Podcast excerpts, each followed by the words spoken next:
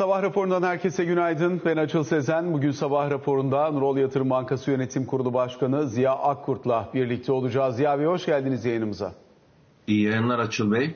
Şimdi özellikle bütün dünyada bankacılık krizi üzerine tartışmaların devam ettiğini görüyoruz. Bir yandan Avrupa'da, diğer taraftan Amerika Birleşik Devletleri'nde bankacılık sektöründe olup bitenler çokça tartışılıyor. Sizin bunlara ilişkin görüşlerinizi alacağız bir.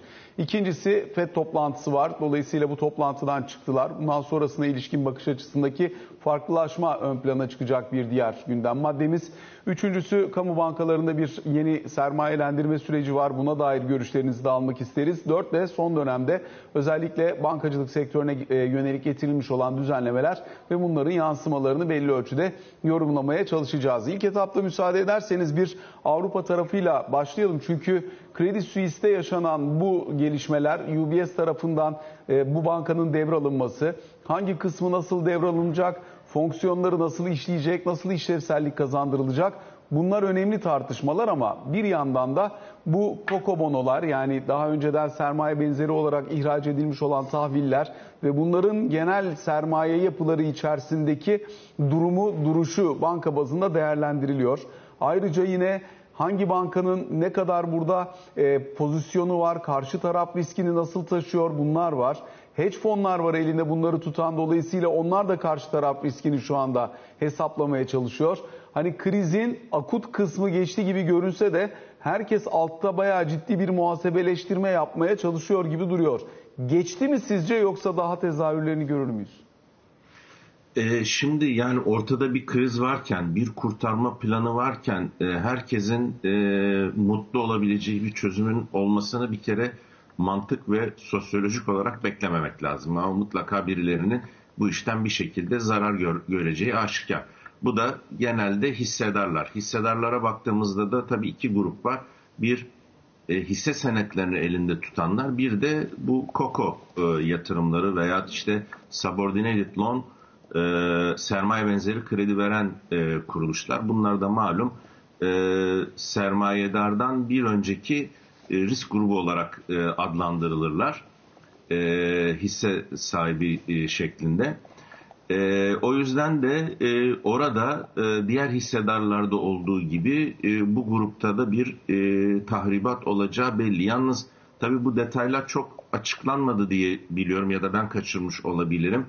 E, bu kokolarda özellikle nerede e, e, harekete geçiliyor, şartları nedir, detayları nedir pek e, açıklığa kavuşturulmadı galiba ama sonuçta sizin de söylediğiniz gibi e, bir e, rahatsızlık var. Bunun sonucunda birileri de zarar görecek ve bunu biz e, önümüzdeki günlerde yavaş yavaş e, açıklanarak yola devam edileceğini göreceğiz. Yani burada netice itibariyle e, yara almadan e, ben e, kimsenin e, bu işin içinden e, çıkabileceğini e, zannetmiyorum Açıl Bey. Peki bunun bir yeniden e, büyüyebilecek krize evrilme olasılığı var mıdır? Yoksa bu kez kontrol mekanizmaları, müdahale mekanizmaları çok hızlı işledi. E, merkez bankalarının da düzenleyici otoritelerin de burada geçmişten kalan deneyimleri var. Dolayısıyla e, bunun büyümesine de çok müsaade etmek istemiyorlar haliyle. E, ne dersiniz? Daha büyüye evrilme olasılığı var mı? Şimdi biraz geçmişi hatırlayanlar olabilir. Bilmiyorum e, 1994 yılında da e, aslında Avrupa'da e, pardon İsviçre'de üç güzeller vardı. E, Credit Suisse, UBS ve Swiss Bank Corporation. E, Swiss Bank Corporation e, 94 yılında hatta içinde Türkiye'nin de olduğu bazı dahil olduğu e, bankaların dahil olduğu bir yolsuzluk olayı ardından e, UBS'e satılmıştı. E, ve orada da çok hızlı hareket edildi ve e, oradaki sistem duruldu. Şimdi Kredi Suisse gibi çok büyük de bir bankada böyle sıkıntılar çıktı. Yani geçmişine baktığınız zaman Kredi Suisse'de habire skandallar ve ödenen cezalar var. Bu da e, bu bankanın çok da iyi yönetilmediğini gösteriyordu. Belki e, şunu söyleyebiliriz. Kredi Suisse, Swiss, e, İsviçre bankacılık otoritelerinin finansal sistemin reaksiyonun geç kalınmışlığından dahi bahsedebiliriz. Ama şimdi e, bu herhalde e, bardağı taşıran son damla oldu diyelim. Bu şekilde bu e, sıkıntılı e, banka bir şekilde düzeltilmeye çalışılıyor. Şimdi e, bankacılık e, sektörü İsviçre için çok önemli. E, uluslararası hukuk e, çerçevesinde İsviçre e, nötralize edilmiş bir ülkedir. İkinci Dünya Savaşı'nda da hiçbir şekilde savaşa girmediği ve nötralize kalmış e, bir ülkedir. E, burada en büyük özellik dünyanın e, büyük varlıklarını e, e, kendi bünyelerinde tutuyor olmalarından e, kaynaklanıyor ve bu dünyadaki savaş da olsa dünya e, herhangi bir krize de e, girse buradaki sistemin ayakta kalması çok önemli. O yüzden İsviçre finansal sistemindeki bir rahatsızlık e, bütün dünyayı rahatsız edeceğini, e, varlık sahiplerini rahatsız edeceği için özellikle bu bahsettiğim e, uluslararası hukuk çerçevesindeki konumunu da göze alarak İsviçre makamlarının e, bu, bu kadar artık e, ayan beyan ortaya çıkmış krizi bir an önce yangını söndürmeleri gerekiyordu. Nitekim yaptılar. Şimdi Avrupa'da e, ne olur? Orada da bir sıkıntı olur mu? Bence bazı sıkıntılar duyacağız gibime e, geliyor. E, daha e, diğer Avrupa ülkelerindeki bankalarda e, neler oldu neler olacak onları süreç içerisinde göreceğiz. Sebep de şu bunların da ellerinde e, yüklü miktarda bonoların olması bunlar düşük faizli yükseldikçe zarar edecekleri için zaten limitlerin sınırında kıyısında olan sermaye yeterlilik rasyolarında bazı bankalarda biz e, sıkıntılar duyabiliriz. Onların da e, düzeltilmesi konusunda adımlar atılacaktır. Orada da e, işte ECB'nin ne kadar hızlı hareket edeceğini, oradaki yerel makamların ne kadar hızlı hareket edeceğini göreceğiz. Ama e, yükselen faiz ortamında e, finansal kuruluşların or, arkasından da e, bu düşük faizlerle e, başta mortgage kredileri olmak üzere mortgage kredilerinin tahvillerine yatırım yapanlar olmak üzere e, bir sıkıntı yaşanması sadece Avrupa'da değil Amerika'da da ben e, bekliyorum Açıl.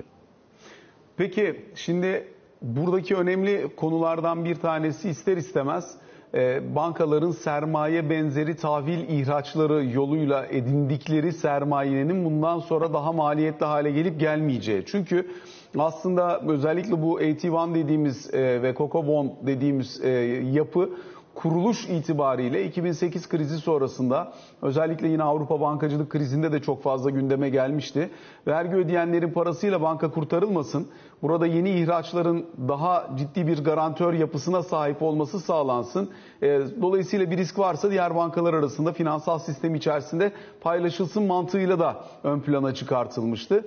E, burada e, gerek convertible olanlar yani hisse senedine dönüştürülebilir olanlar için gerekse doğrudan sermaye benzeri ihraçlar için biraz daha farklı bir yapı kurulmuştu. Şimdi dünyanın her yerinde birçok bankada var bu.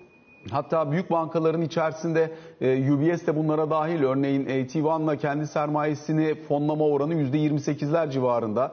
Diğer bankalarda İngiliz bankalarının bir bölümünde %20'lerin üzerinde. Hani %15 ile %27-28 arasında e, değişiyor bunlar. Dolayısıyla şimdi bunların fonlaması bir, güvenilirliği iki sorgulanır hale geliyor mu? Bu alınan karar ve yapıdan sonra elbette prospektüsün içerisinde var bunların ödenmeyebileceği ama ne dersiniz? E, doğrudur. Zaten belli bir risk alınarak e, bunlar yapıldığı için fiyatları da çok e, yüksekti bunların diğer normal e, bonolara göre. Şöyle bir örnek vereyim. Normalde tahvil faizleri veya e, doğrudan e, senior loan olarak çıkartılan tahvillerin diyelim faizleri yüzde birken e, bu e, subordine loanların sermaye benzeri kredilerin e, ya da şimdi bahsettiğimiz COCO diye adlandırdığımız e, tahvillerin fiyatları Avrupa'da bile 5'ten 6'dan başlayanlar e, vardı. 7'den e, olanlar e, vardı.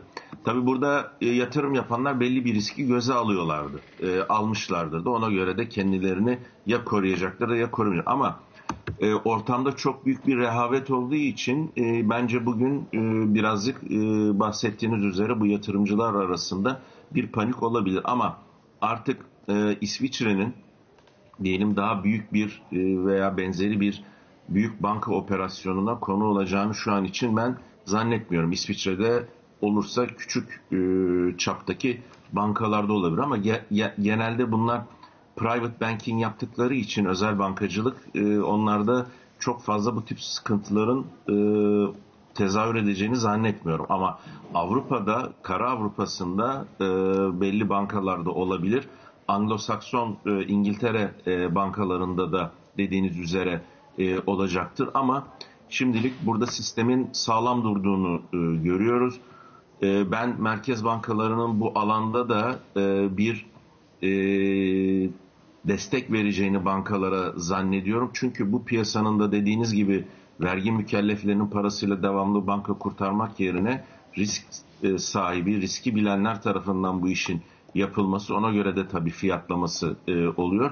O kanalın açık olması lazım. E, her defasında bir finansal kuruluş kötü yönetildi diye devlet mekanizmalarının müdahale edip kurtarması, sosyal refah seviyesini yükseltmek üzere toplanan vergilerin bu kanallara yöneticiden hatalarını örtmek üzere kullanılması tabii ki çok yanlış bir e, yaklaşım e, olabilir.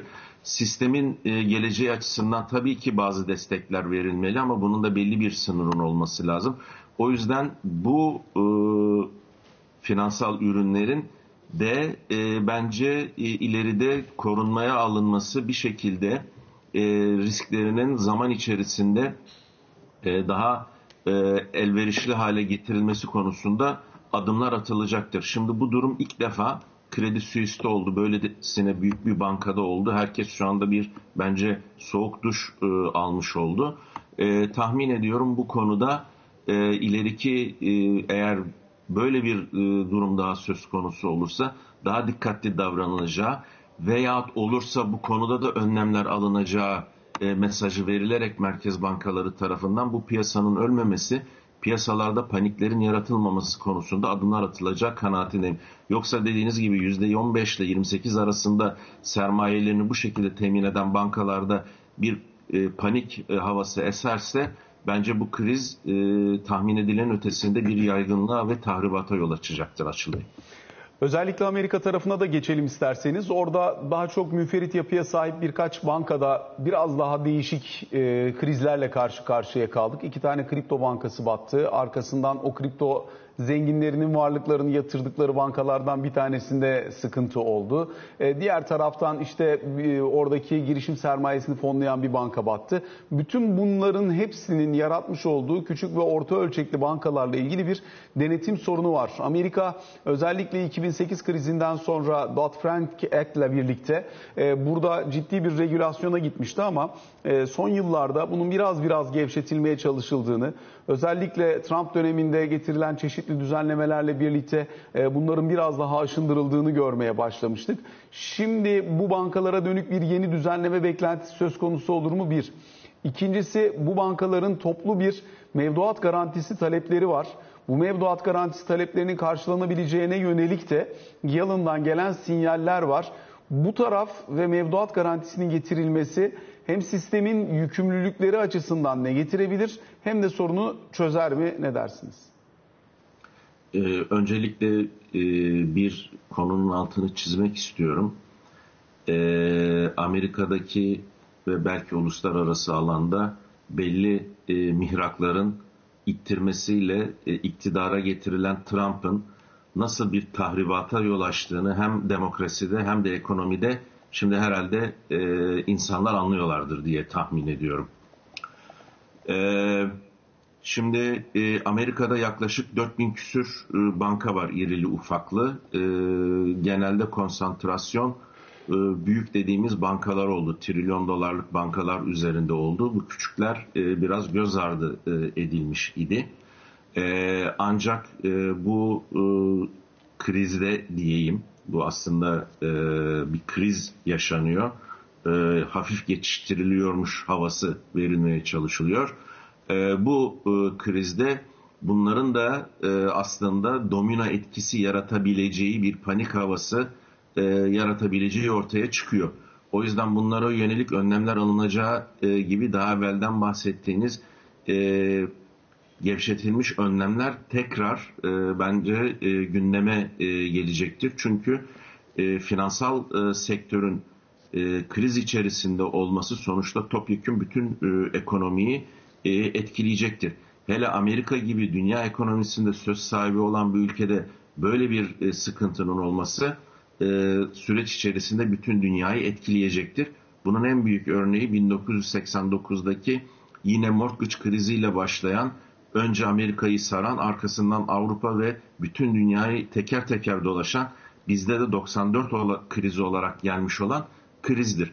O yüzden e, bunların yerinde ve zamanında müdahale edilmesi ve bunların etrafının e, çevrilerek e, kendi içerisinde çözüme kavuşturulması çok önem arz etmekte. O yüzden Yellen'ın yaptığı açıklamalar da e, alınacak e, daha sonra Senato tarafından alınacak önlemler. Şimdi Bankacılık Komitesi de e, Finansal Sektör Komitesi de toplanıyor bildiğim kadarıyla Senato'da. O komitelerde de alınacak kararlarla e, işler biraz daha sıkılaştırılacak. Ancak ve ancak e, özellikle e, bu işin sonucunda görünen o ki e, bir kere e, Amerikan Merkez Bankası'nın bilançosunun para tabanının genişletilmesiyle e, enflasyona hazırlanan zeminden çok uzaklaşamayacakmışız gibi görünüyor. Yani bu para tabanı genişlemeye devam edecek e, gibi. İşte son e, Silicon Valley Bank e, krizinde 350 milyar dolarlık bir destek oldu. Yan yoldan bilançonun genişletilmesine başladı. O yüzden faiz artışlarını devam ettirecekler vaziyeti kurtarmak, yanlış görüntü vermemek adına. Ama diğer taraftan da bu bollaşan parayı nasıl ortadan kaldıracaklar? E, bu da şunu gösteriyor, enflasyonun yüksek ve kalıcı olacağını gösteriyor. O zaman e, bu durumda yüksek faizler e, çerçevesinde zaman içerisinde e, ekonomide bazı sıkıntılar olacaktır. Bu dediğim gibi mortgage tahvillerini alan, e, yine mortgage'larını e, değer, kredi, loan to value rasyolarına göre hesaplayanlarda sıkıntılar ortaya e, çıkabilir. Bunların da alınacak önlemlerle düşürün, düşünülmesi gerekiyor. E, ben zaman zaman e, programlarınızda hatırlarsanız e, faizler arttırılacak ama bu tip yan etkileri olacak. Bunların hazırlıklı olunması lazım. O yüzden de belli bir yerden sonra e, Amerikan Fed, Merkez Bankası Fed çok rahat faiz arttıramayacak diye defaatle dile getirmiştim.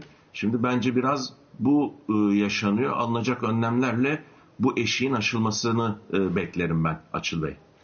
Peki hızlıca bir Türkiye tarafına da dönelim mi Ziya Bey? Çünkü Türkiye'de de özellikle son dönemde e, çok tartışılan konulardan bir tanesi bankacılık sektöründeki regülasyonlar, düzenlemeler.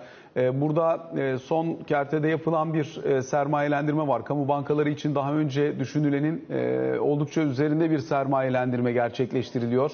Ziraat Bankası'na 45 milyar TL, Vakıf Banka 32, Halk Bankası'na 30 milyar TL, e, aynı zamanda Ziraat katılmada e, 4 milyar 700 milyon TL'lik bir sermaye katkısı gerçekleştirilecek. Elbette deprem, deprem sonrasında olup bitenler buralarda önemli unsurlar.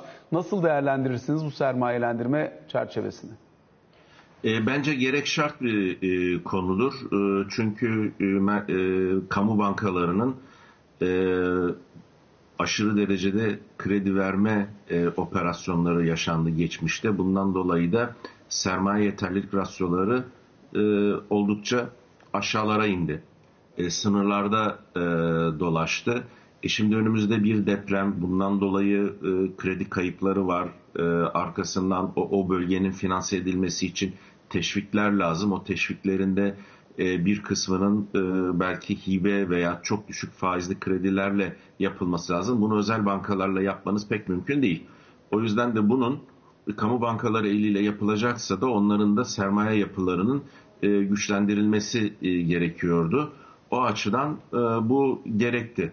E, niye daha fazla oldu beklenenden veya tahmin edilenlerden? E, şunu unutmayalım.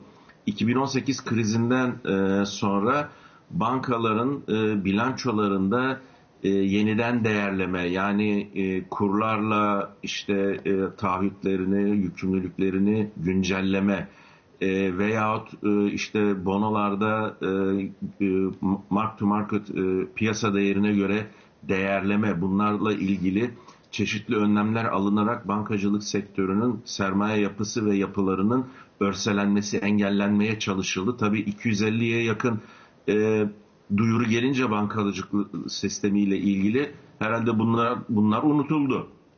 Onların da getirdiği e, avantaja rağmen e, maalesef e, ortaya çıkan e, bu durumda e, bu bankaların özellikle tekrar e, güçlendirilmesi e, gerekliliği ortaya çıktı. Onu da bu şekilde yaptılar. Yani neticede 2018'den beri devam eden e, e, özellikle kamu bankalarındaki örselenme e, devam ettiği için bu beklenenden daha fazla bir artış oldu. Özel sektör bankalarını hatırlayalım. Çoğu da bu arada hatırlayacak olursak sermaye arttırımına e, gitmişlerdi. E, onlar da herhalde e, önümüzdeki e, dönemde özellikle ellerinde şu anda bulunan e, çok düşük faizli e, bonolardan e, dolayı faizlerin piyasada e, ani yükselmesi e, sebebiyle faiz arttırımına e, pardon sermaye arttırımına gitmek veya küçülmek zorunda kalacaklardır diye bekliyorum Açıl Bey.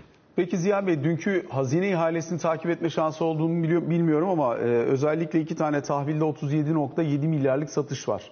Bunlardan bir tanesi 5 yıllık e, kağıt ve bu 5 yıllık kağıtta piyasa yapıcılara e, 35 milyarlık teklif vermişler. 25 milyarlık doğrudan satış gerçekleşmiş. Burada birinci bankanın, alan birinci bankanın payı %43. ikinci bankanın payı %36. Bu bilançonun TL'ye döndürülme yükümlülüğü ve bu yükümlülüğü tamamlayan tamamlayamayan bankalar arasındaki menkul kıymet iştahı farkı çok doğrudan e, görünüyor gibi duruyor bu ihalelerde ne dersiniz? E, doğru haklısınız. E, maalesef bu getirilen e, zorlamalarla e, işte Türk lirasına e, çevirme politikaları sebebiyle e, bankaların işte zorunlu olarak böylesine e, aldıkları e, bonolar e, bunların faizlerini yanlış hatırlamıyorsam 13'ler civarına geldi diye e, ben e, gördüm. Doğru mudur bilmiyorum sizin bilginiz var mı? %11.53 şeyde e, dünkü 5 yıllık ihaledeki faiz. Evet. E, yani bir nebze galiba yükselmiş de e, oldu ama bunlar tabii çok cüzi yükselişler. E, o kadar çok e, mevduat faizinin 30'lar civarında seyrettiği bir ortamda kısa vadeli. E, bunlar çok e, cüzi şeyler ama dediğiniz gibi e, açığı kapatma yönündedir. İşte faizler çok yükseldiğinde bankalar bu bonolarla ne yapacaklar? E, inanın e, benim için de çok büyük bir soru işareti açıldı. Son bir dakikada çok hızlıca bir de FED beklentinizi alabilir miyim? FED ma- maalesef hani bir Türkçe'de e, laf vardır vaziyeti kurtarmak diye vaziyeti kurtarmak adına bence 0.25 faiz artışını devam edecektir. E, bu belki enflasyonu da gözüne alır, alacak olursak bir müddet daha böyle 0.25'lerle devam ederek e, yapışkan ve uzun süreli enflasyonu kontrol altında tutmaya çalışacaktır. Çünkü enflasyon yüksek devam ettiği müddetçe faizleri de belli bir seviyeye getirmeden bunu kontrol altına alması o kadar da kolay olmayacak gibi görünüyor Açıl Bey. Ziya Bey çok teşekkür ediyoruz. Aktardığınız bu yorumlar için size kısa bir araya gideceğiz şimdi. Sonrasında Ali Can Türkoğlu ile karşınızda olacağız.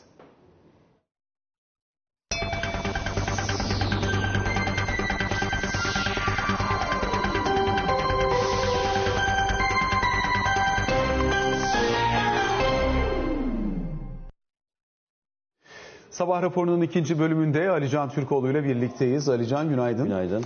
Şimdi özellikle Yüksek Seçim Kurulu'nun adaylıklarla ilgili tartışması var, açıklamaları var. Dolayısıyla burada adaylık için gerekli kriterler, seçilebilecek olanlar, seçilemeyecek olanlar bunlara ilişkin detayları artık öğrendik. Şimdi 11 aday için e, onay verildi. E, resmen 100 bin imza sürecinin bu 11 isim için başlayabileceği de söylendi ki bu sabah itibariyle de başladı. Sabah 8 itibariyle başladı. 27 Mart e, akşam saat 20'ye kadar 100 bin imza süreci e, resmen başladı diyebilirim. Ne olacak? İlçe seçim kurullarına bu isimler için imza vermek isteyen seçmenler gidecekler. E, imzalarını verecekler. Onun sonrasında 27 Mart sonrasında da zaten açıklama yapılacak kimlerin e, olduğuyla ilgili olarak. hani kamuoyunda çok konuşulan isimler işte Fatih Erbakan, Muharrem İnce, Sinan Oğan, Doğu Perinçek, Ahmet Özal gibi isimler bu 11 e, aday içerisinde var. Dolayısıyla bir yandan böyle bir süreç başladı Yüksek Seçim Kurulu nezdinde. Bir yandan e, yarın yani 23 Mart siyasi partilerin Cumhurbaşkanı adaylığı başvuruları için son gün. Zaten dün e, Recep Tayyip Erdoğan için AK Parti ve Milliyetçi Hareket Partisi resmi başvuruyu yaptı Yüksek Seçim Kurulu'na. Bugün Kemal Kılıçdaroğlu için resmi başvuru yapılacak. Zaten CHP ve İyi Parti'den grup kararları alınmıştı. E, Dolayısıyla iki ismin de resmi adaylığı da e, bugün itibariyle oluyor. Dün Erdoğan, bugün Kılıçdaroğlu.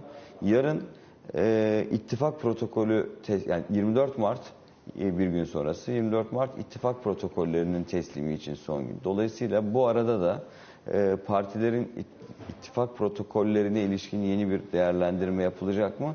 Onlar muhtemelen sunulacaktır. Millet İttifakı ve Cumhur İttifakı açısından, Millet İttifakı açısından zaten bir sıkıntı yok.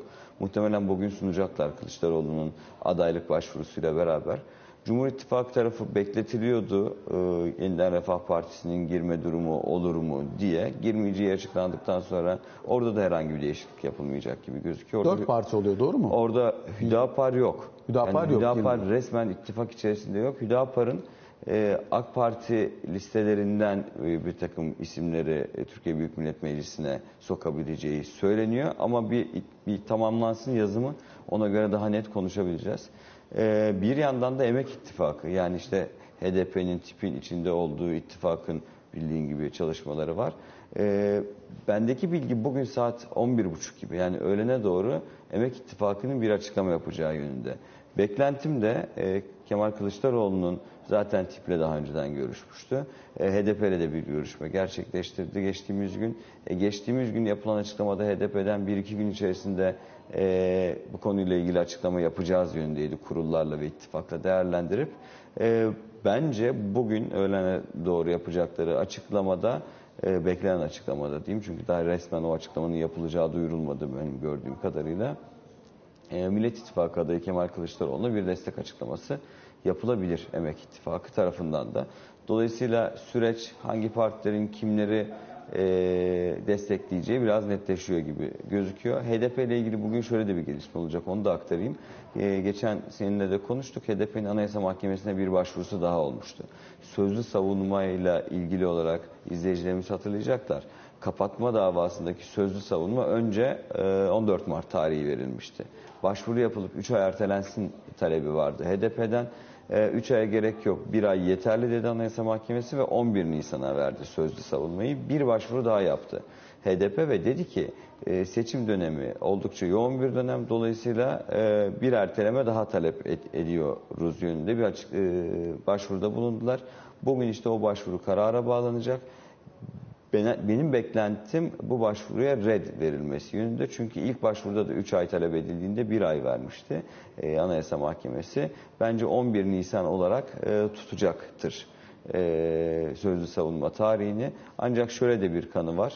E, zaten kapatma davalarında süreç e, sözlü savunmadan sonra dosya raportörü üretiliyor. Raportör zaten bunu inceleme süresi ortalama 2 ay kadar alıyor. Raportörden daha sonra mahkeme başkanının belirlediği bir günde işte üyelere dağıtılacak. Üyeler okuduktan sonra, değerlendirdikten sonra görecekler ve karar için oturacaklar.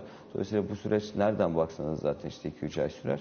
Dolayısıyla yaz aylarından önce kapatma davasında bir kararın çıkması çok görülen bir şey değil e, deniyor. Ancak yine de tüm bu söylenenlere rağmen eğer bugün bir red kararı verilirse Anayasa Mahkemesi'nden HDP'nin garantiye almak için Yeşiller ve Sol Gelecek Partisi çatısı altında seçime girmesinin söz konusu olabileceği de söyleniyor. Dolayısıyla bugün e, birçok açıklama gelecek hem Emek İttifakı tarafından hem HDP'nin kendisi e, Anayasa Mahkemesi kararı açısından gelecektir diye tahmin ediyorum. Siyaset oldukça yoğun grup toplantıları da var.